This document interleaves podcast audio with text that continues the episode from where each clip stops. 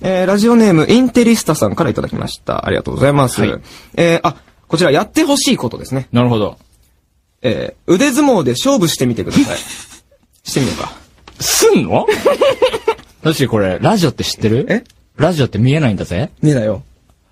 ただ、内山くん、何よ。声は聞こえる。いや、いいけどさ、俺腕相撲って俺生涯で勝った覚えがないよ。でも、俺も弱いよ。いや、俺も弱いって。俺、この間久しいぶりや、に。じゃあ、腕、俺、これね、負けて力が弱いのがバレるとかを危惧してるわけじゃないんですよ。もう腕力はありませんよ、僕は。痛めたりしたら嫌なん です。台本が持てなくなってしまうよ。腰もやっちゃってるしね。そう、だからもうね、リアルに、いた、ちょ、ちょっとやるなら、ちょっと、あの、準備体操しよう。準備体操ちょっと手首とか回しとこそうだね。ちょっとやってからじゃないとみたう。いな、うねん、そうだよ。肩もやばいからさ。ただね、うち、あの、一個俺、うち勝てるかも情報を教えておくと、俺はいこの教えてくだ間さ、い家で久しぶりに腕立て伏せやったのね。おお。二2回しかできない。3回目で 舞腕が台、役者ってこう、稽古の前にやるんじゃないの、こういうの。腕がプルプルしちゃって。大丈夫あ、ちょっと今準備体操で痛くなっちゃった。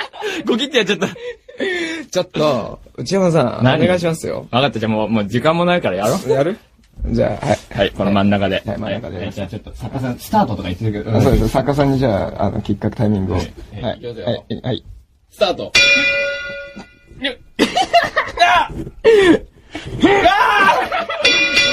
よし。